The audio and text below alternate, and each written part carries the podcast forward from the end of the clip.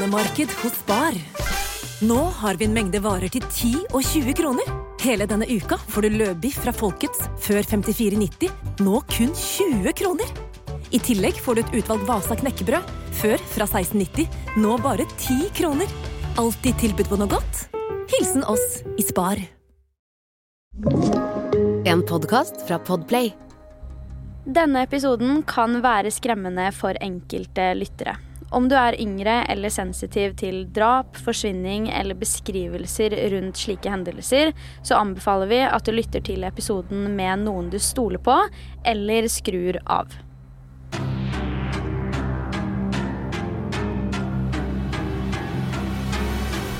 Hei og velkommen til en helt ny episode av Forsvinningsfredag podcast. I denne ukens episode skal jeg ta for meg saken om Kira Steger, og dette er en sak jeg syns er helt forferdelig trist, fordi saken tar for seg en problemstilling og en tematikk som vi dessverre har måttet høre mye om i norske medier de siste ukene. Av den grunn så er det viktig for meg å si at saken handler om tematikken partnerdrap, partnervold og lignende. Så dersom det er temaer som er sensitivt for deg, så vil jeg anbefale deg å heller lytte til en annen episode. Før vi går inn i saken, så vil jeg veldig gjerne gi deg litt bakhistorie på Kira, som denne saken handler om. Kira Steger ble født Kira K. Steger den 19. november 1982 i The Plains i Illinois. Foreldrene hennes het Marcy og Jay, og hun hadde også totalt fem søsken. Ut ifra hvordan Kira omtales av familien sin og generelt hvordan familien har håndtert saken, så virker det som at hun hadde gode relasjoner til dem rundt seg, og at hun var veldig familiekjær. Foreldrene til Kira har beskrevet henne som en veldig livlig, dedikert og også en fin datter. På hjemmebane høres det med andre ord ikke akkurat ut som at det var noen store konflikter eller lignende. Vi har rett og slett med å gjøre en helt vanlig familie som etter hvert skal oppleve noe helt, helt forferdelig. Vi spoler tiden frem til 2013, da Kira var 31 år gammel. På dette tidspunktet var hun nemlig ansatt i to butikker på Mall of America og balanserte rett og slett disse to jobbene for å få hjula til å gå rundt. Også kollegene til Kira i disse to butikkene har snakket utelukkende positivt om henne, og flere sier faktisk at hun hadde en helt unik evne til å se de rundt seg for alle deres gode kvaliteter, til og med de kvalitetene de selv ikke engang visste at de hadde. Hun var en skikkelig god menneskekjenner og hadde store planer for fremtiden sin. I det siste hadde hun også lekt med tanken om å gå tilbake på skolebenken igjen for å bli lærer, og utover det så var hun en veldig aktiv jente som enten brukte tiden sin på trening, se på hockey, lese bøker eller bruke tid med venner, familie og også hunden sin. Hun kjørte også en hvit Chevrolet, som er viktig å ha i bakhodet til senere. Kira hadde også blitt gift med en mann ved navn Jeffrey Trevino, så han og hvordan de to møttes, syns jeg at vi burde snakke litt mer om. Tre år tidligere, altså i 2010, hadde nemlig Kira og Jeffrey møttes og ble ganske umiddelbart bergtatt av hverandre. De innleder et forhold, og derfra tar det ikke særlig lang tid før de både er forlova og etter hvert gifter seg. Begge deler skjer i løpet av disse tre årene. Generelt virket det som at Kira og Jeffrey hadde det fantastisk bra, og på flere måter virker de gjerne som et litt mer privat par enn andre kanskje er. For eksempel så er det jo helt vanlig at man av og til har krangler og diskusjoner i forholdet sitt, men som mange jo gjør, så valgte også Kira og Jeffrey å holde sine krangler og diskusjoner mellom dem. Det var egentlig ingen familiemedlemmer eller venner som visste om noen eventuelle problemer som skulle vært, så utenfra så ser det ut til at forholdet gikk helt fantastisk. De to var forresten bosatt i St. Paul i Mississippi. Vi skal til 21. februar 2013. Denne dagen har Kira en vakt i en av butikkene hun var ansatt i, og den ene kollegaen hun jobba med den dagen, har fortalt at Kira var ved veldig godt humør, og hun hadde også faktisk planer om å dra på en litt finere restaurant sammen med ektemannen sin den dagen, og det virka det som at hun gleda seg skikkelig til. To dager senere, altså den 23. februar 2013, hadde Kira enda en vakt på kjøpesenteret, men av en eller annen grunn så dukka hun aldri opp på jobb. Dette var veldig uvanlig for Kira å være, da hun alltid møtte opp, og gjerne litt tidligere enn nødvendig, så kollegaene begynte naturlig nok å lure da de ikke hadde fått noe beskjed om at hun ikke skulle komme den dagen. Pga. dette forsøker kollegene på jobb å komme i kontakt med Kira for å høre hvor det blir av henne, men uten hell. Den neste naturlige tanken er da å prate med ektemannen, som antagelig ville visst hva som var grunnen til at hun ikke møtte opp. Kollegaene ringer da til Jeffrey, men over telefon får de beskjed om at han ikke aner hvor hun er, og han forklarer at hun hadde dratt morgenen før, men at han ikke hadde sett henne siden. Det høres kanskje spesielt ut i utgangspunktet, men ifølge Jeffrey var det ikke unormalt at Kira dro til en venn eller et familiemedlem uten å si ifra til Jeffrey, så han ble ikke så altfor bekymra over akkurat dette, selv om det var rart at hun ikke hadde møtt opp på jobb eller sagt ifra. Det høres ut som at samtalen mellom Jeffrey og kollegaene har vart en stund, for etter hvert så skal han selv ha kommet opp med en teori om at det kunne hende at hun hadde fått problemer på veien pga. været. Den siste tiden hadde det nemlig lavet ned med en hel haug av snø, så Jeffrey la frem muligheten om at hun kanskje hadde satt seg fast, sklidd ut eller lignende, og at telefonen hadde gått tom for strøm. Senere den samme dagen virker det som at Jeffrey begynner å bli bekymra, så han tar kontakt med familien til Kira, forteller at hun har forsvunnet, og deretter melder han henne savnet til politiet. Familien var mildt sagt i sjokk, da det heller ikke for dem hørtes naturlig ut at hun skulle droppe jobb, men heller ikke at hun bare har forsvunnet. Politiet tok også saken på største alvor og igangsatte en leteaksjon ganske raskt. Vi vet jo også at partnervold og partnerdrap er et utbredt problem.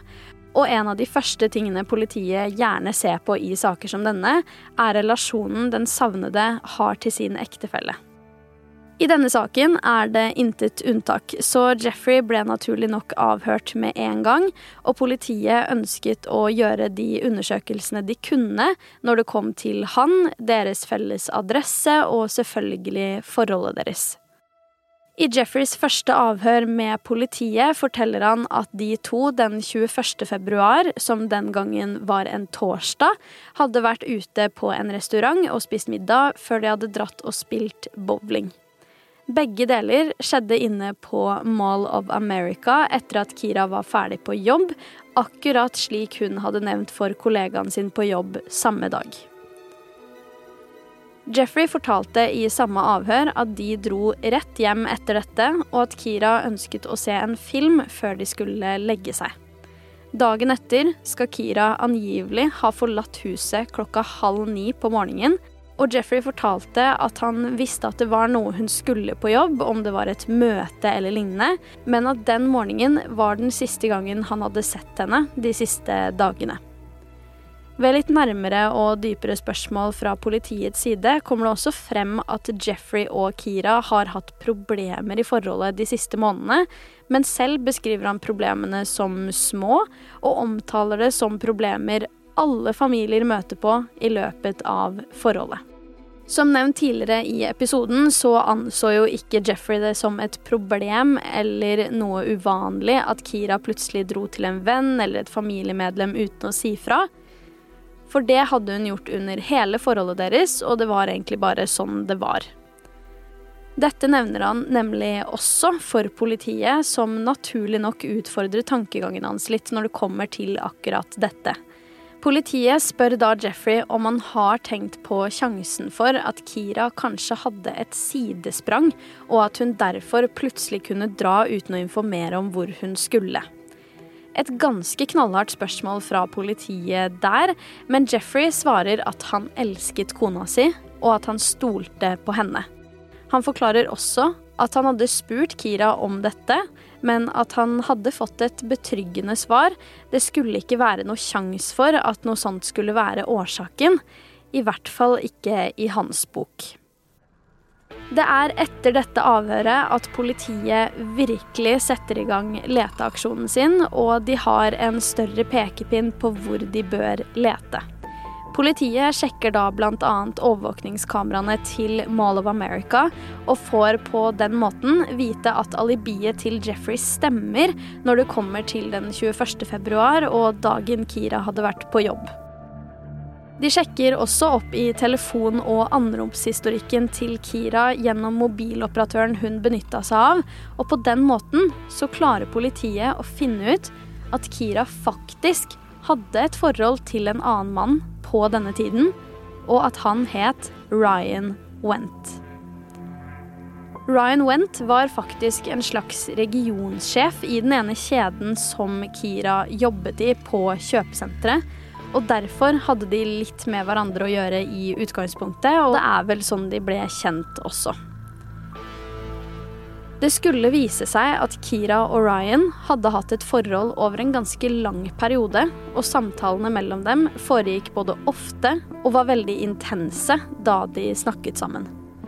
Dette er naturlig nok ufattelig interessant for politiet, og det åpner også opp for flere muligheter til hva som kan ha skjedd.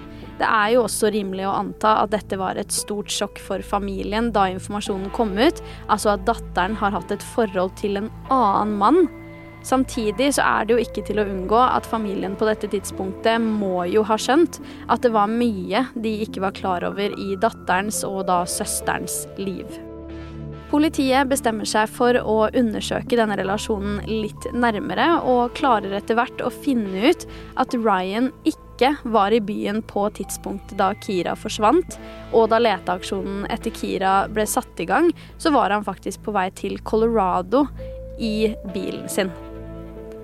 I utgangspunktet ble denne Ryan-fyren mistenkt av politiet, men etter å ha sjekket alt fra stedsposisjonen hans til gitte tidspunkter, til å sjekke samtaler mellom han og Kira, og ikke minst å avhøre han personlig, så fant de ut at han faktisk ikke engang var i staten Mississippi i forbindelse med forsvinningen, så det er ingen måte han kan ha hatt noe med dette å gjøre.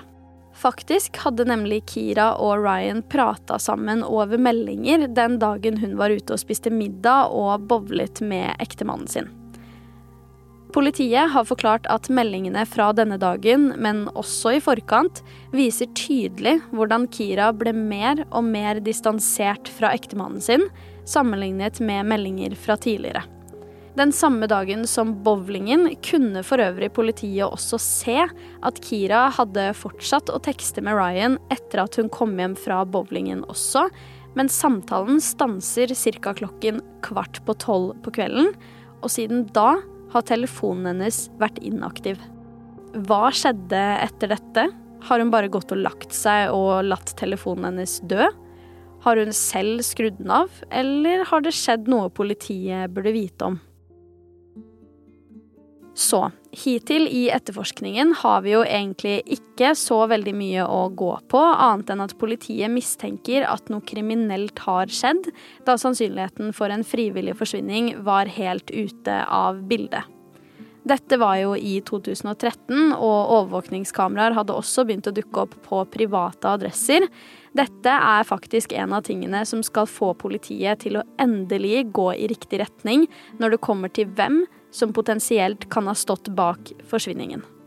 En nabo i gata der Kira og Jeffrey bodde, hadde nemlig installert huset sitt med et overvåkningskamera som politiet fikk tilgang til. Dette var et kamera som roterte frem og tilbake, opp og ned den aktuelle gata. Man kunne se huset til Kira og Jeffrey på et tidspunkt, men det som gjorde ting litt vanskelig akkurat her, var at kameraet roterte såpass fort at det var veldig begrensa bilder politiet hadde å gå ut ifra. Det betyr imidlertid ikke at det ikke kunne hjelpe politiet på noen måte. For det var et bilde de bet seg ekstra merke i. Rundt klokka ti over to på natten kunne de nemlig se bevegelse av bilen til Kira på overvåkningen, og selv om det var veldig begrensa hva man klarte å se, så klarte politiet å fange opp at bilen hennes kjørte ut av oppkjørselen, og bare det i seg selv gir jo politiet en mulighet til å sjekke opp på andre måter hvor denne bilen kan ha tatt veien. Jeffrey blir igjen avhørt om dette, og han forklarer til politiet at det var han som kjørte bilen på natta der, og forklarer at Kira hadde spurt han om han kunne fylle bensin på bilen hennes, slik at den var full før hun skulle på møte på jobb dagen etter. Jeffrey forklarer at han hadde sagt ja til det, og andre overvåkningsbilder har faktisk også bekrefta at Jeffrey kjørte til den nærmeste bensinstasjonen den aktuelle natta på riktig tidspunkt, men i stedet for å dra rett hjem etterpå, så hadde han kjørt ut på motorveien som lå like ved. Dessverre var det ingen overvåkning eller lignende som kunne gi politiet noe inntrykk av hvor han så hadde kjørt, men det vi vet med sikkerhet, er at den samme bilen forlot huset rundt klokka halv ti på morgenen dagen etter, uten at noen kan bekrefte hvem det er som kjørte, eller hvor bilen har kjørt. Dette ble plukket opp på overvåkningskamera til naboen, som jeg nevnte tidligere.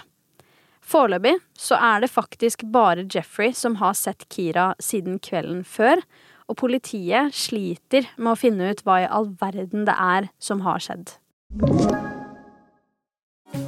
Nå er det påskesalg hos Ark! Du får 30% på påskekrim og 40% på alle spill og puslespill. Jeg gjentar Ark har 30% på et stort utvalg krim og 40% på spill. Det er mye påske for pengene. Så Hamstre påskekosen i nærmeste Ark-butikk eller på ark.no. Skal du pusse opp eller bygge noe nytt? Ikke kast bort tid på å lete etter håndverkere selv.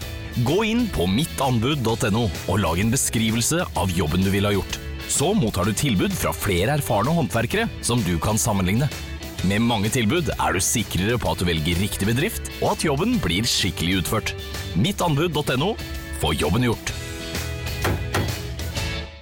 Den 25. februar 2013 skjer det noe veldig interessant i denne saken.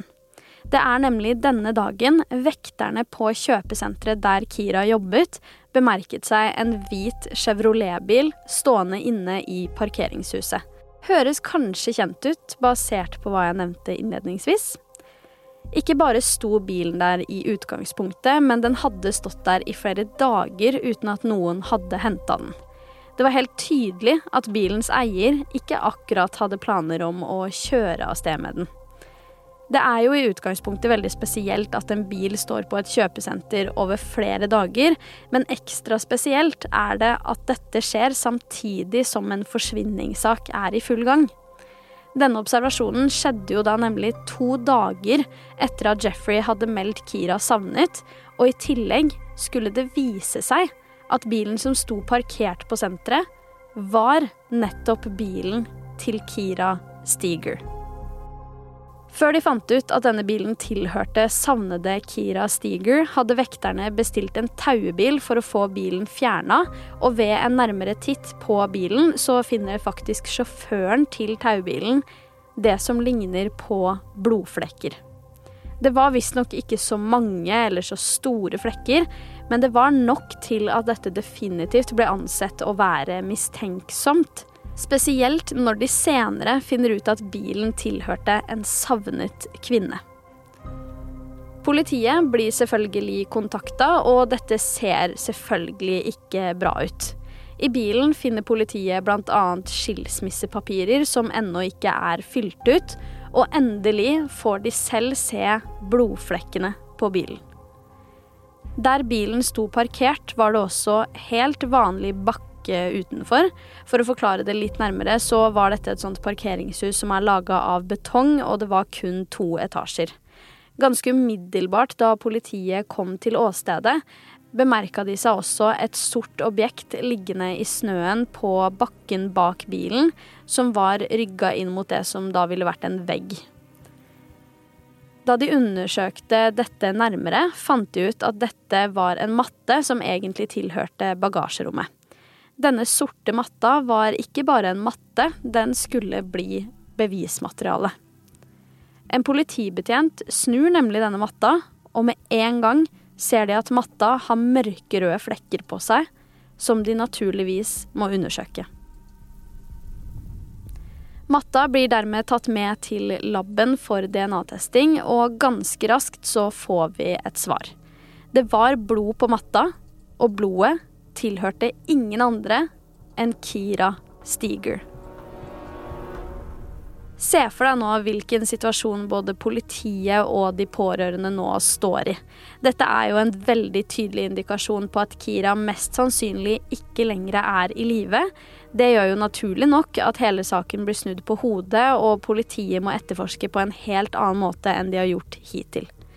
Dette går fra å være en forsvinningssak til å potensielt bli en drapssak.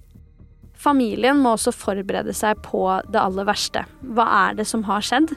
Hvem kan ha utsatt datteren deres for noe så forferdelig? Er det noe de ikke visste om i ekteskapet hennes? Skilsmissepapirene lå jo i bilen sammen med blodet. Her begynner politiet å se på absolutt alle muligheter, men det er ingen tvil om hvor de er nødt til å begynne. Hvem var det egentlig som satte seg i bilen på parkering? Hvem var det egentlig som satte fra seg bilen på parkeringsplassen? Politiet benytter seg da av alle midler de kan for å kunne tracke ned hvem som hadde gjort det, og overvåkningskameraene rundt senteret blir deres beste venn. Det fantes nemlig overvåkningsbilder hvor man kunne se bilen kjøre inn til senteret og på den veien som leder til parkeringshuset. Noen minutter senere fanger overvåkningskameraene opp en mann i en mørk hettegenser som spaserer bort fra parkeringshuset. Videre beveger han seg bort til en taxilomme og setter seg inn i den første ledige. Politiet forsøkte å finne ut hvilket selskap som eide bilen denne mannen satte seg inn i, og kom frem til at det var Airport Taxi, Heldigvis for politiet hadde alle disse taxiene til dette selskapet en GPS-tracker i bilen, som gjorde det enkelt å finne ut hvor denne turen hadde gått, og selvfølgelig hvor den hadde stanset. Turen til denne mannen var over et knapt kvartal unna huset til Kira og Jeffrey, som i utgangspunktet kanskje ikke var unaturlig, men sett i denne konteksten er det ingen tvil om at det ser mistenksomt ut. Vi må faktisk tilbake til naboens overvåkningskamera på nytt, for kort tid etter at turen ble avslutta, så har faktisk dette overvåkningskameraet til naboen fanget opp taxien som kjørte denne mannen, og bare et par minutter etterpå ser vi den samme mannen komme inn i bildet. Ha i bakhodet dette er altså da på samme gate som huset til Kira og Jeffrey lå. Du hører det nok selv her også, men det er jo ingen tvil om hvilken retning dette peker. Det er jo i retning Jeffrey. Overvåkningskamera klarte jo faktisk til og med å fange opp at denne mannen vandret inn i huset til Kira og Jeffrey etter denne taxituren, så politiet følte seg nå trygge på at det var Jeffrey som var mannen i hettegenseren. Som jeg er sikker på at vi alle forstår, så resulterer disse funnene i at politiet ønsker å ransake huset til Kira og Jeffrey en knapp uke etter forsvinningen. Jeg tror ingen var klare for hva som skulle skjule seg på innsiden av dette huset, for spesielt soverommet bar preg av at det nylig hadde blitt vaska der inne, men det stoppet ikke politiet fra å gjøre dypere undersøkelser. Det er på denne måten at de klarer å finne en hel haug av det som antas å være blodflekker, både på veggen og på madrassen til senga. Dette var kun flekkene det fremdeles var antydning til å se uten hjelpemidler, men politiet benytta seg også av et middel som skulle avdekke om det var mer blod i huset. Det var det mildt sagt. Hele gulvet fra soverommet og inn til kjøkkenet var tilnærmet dekket i blod, og faktisk klarte politiet å identifisere at blodet tilhørte Kira Steger. Nå var det ingen tvil. Kira var død. Men hvor i all verden var hun? Det siste strået er at politiet gikk gjennom Jeffreys bil i tillegg. Her finner de en kvittering fra bensinstasjonen datert til samme dag som bilen til Kira ble sett forlate huset. Denne kvitteringen er da for at Jeffrey satte seg i bilen og kjørte til den lokale bensinstasjonen for å fylle bensin på sin egen bil og også ta ut penger rundt 1 12 time før bilen til Kira blir sett kjøre inn i parkeringshuset. På overvåkningsvideo fra det aktuelle tidspunktet får politiet bekreftet at det var Jeffrey som kjørte til bensinstasjonen i morgentimene, men de ser også et veldig tydelig bilde av Jeffrey og hvordan han så ut den dagen. Dette bildet sammenligner de med overvåkningen fra dagen mannen i hettegenseren tok taxi, og det viser seg at det ser helt likt ut. Av denne grunn, men også alle de andre grunnene nevnt tidligere her, så blir Jeffrey Trevino pågrepet av politiet og sikta for drapet på kona si Kira Steger. Jeffrey må nå gjennom nok et avhør, men denne gangen som sikta og ikke som vitne. Allerede i løpet av de første fem minuttene bestemmer han seg for å ringe til advokaten sin, og ender opp med å bruke retten sin til å ikke besvare noen spørsmål.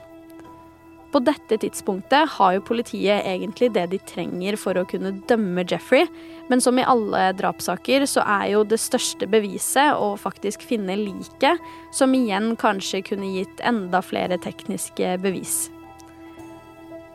Som du sikkert skjønner, så hadde de jo da ikke funnet liket, men kun tatt utgangspunkt i at hun er død, på bakgrunn av omstendighetene og blodet funnet i bilen og i hjemmet, og faktisk skal det ta flere uker før liket skal bli funnet. Det er nemlig ikke før snøen har smelta at det dukker opp en mistenksom pose ved siden av veien, rett ved en innsjø. Denne posen inneholdt en T-skjorte, en bh og en pute, alle tre objektene tilgriset i blod. Dette blodet ble selvfølgelig DNA-testa, og dessverre til ingen overraskelse fant de ut at blodet tilhørte Kira Steger. Dette funnet resulterer i at politiet ønsker å søke etter liket i innsjøen, men til ingen nytte. Liket til Kira er ingen steder å finne, men håpet er ennå ikke ute. Den 8. mai mottar politiet en telefonsamtale fra en mann som mener at han har funnet det som ser ut til å være et lik i Mississippi-elven. Politiet dro til stedet og fant det som skulle vise seg å være det nedbrutte liket av Kira Steger. Nettopp fordi liket var såpass nedbrutt, var det vanskelig for politiet å gjennomføre en obduksjonsundersøkelse som kunne gi oss et svar på hva som var dødsårsaken. Men de gjorde likevel en iherdig innsats i å forsøke å forstå seg på hvordan ting kunne ha utarta seg. Kira hadde jo nemlig store skader til hodet, men også en finger, så politiet ser for seg at Jeffrey har sett at Kira hadde en affære med en annen mann, og derfor vært brutal og hardhendt i å røske telefonen hennes ut av hånda, og i forsøket klart å brekke fingeren hennes. Politiet mener da at han deretter kan ha sett samtalen og lest det han kunne, for deretter å bli både såra, forbanna og rett og slett fyrt seg opp såpass at han har endt opp med å ta livet av Kira.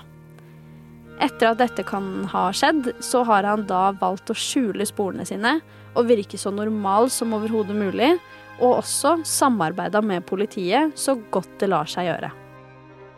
I oktober 2013 stilles Jeffrey for retten og blir dømt for drap på bakgrunn av bevisene etter hvert, men juryen legger også til grunn at dette ikke har vært en planlagt handling. De mener at dette har skjedd som et resultat av problemene paret har hatt, men ble trigget av at Jeffrey fant ut av Kiras utroskap. I november 2013 blir han dermed dømt til 27,5 års fengsel for drapet på kona si, og under domsavsigelsen sier dommeren følgende, oversatt til norsk. Jeffrey, jeg tror på et eller annet nivå at du antageligvis ikke planla å drepe Miss Steger. Hva som var Jeffreys motiv, har vi egentlig kun hørt fra retten, eller i hvert fall hva de mener at er motivet. Selv har ikke Jeffrey uttalt seg om akkurat det, men det er jo ikke til å stikke under en stol at det politiet og retten mener at har skjedd, definitivt gir mening ut ifra bevisene. Familien til Kira har uttalt seg i etterkant og sagt at ikke en eneste straff kunne vært nok til å dekke tapet av datteren deres, eller til å gjøre opp for hva Jeffrey tillot seg å gjøre mot henne. Du har hørt Forsyningsfredag podkast med meg, Sara Høydahl. Tusen takk for at du har lytta til episoden. Vi er tilbake med en helt ny allerede neste fredag, og i mellomtiden, ta vare på deg selv.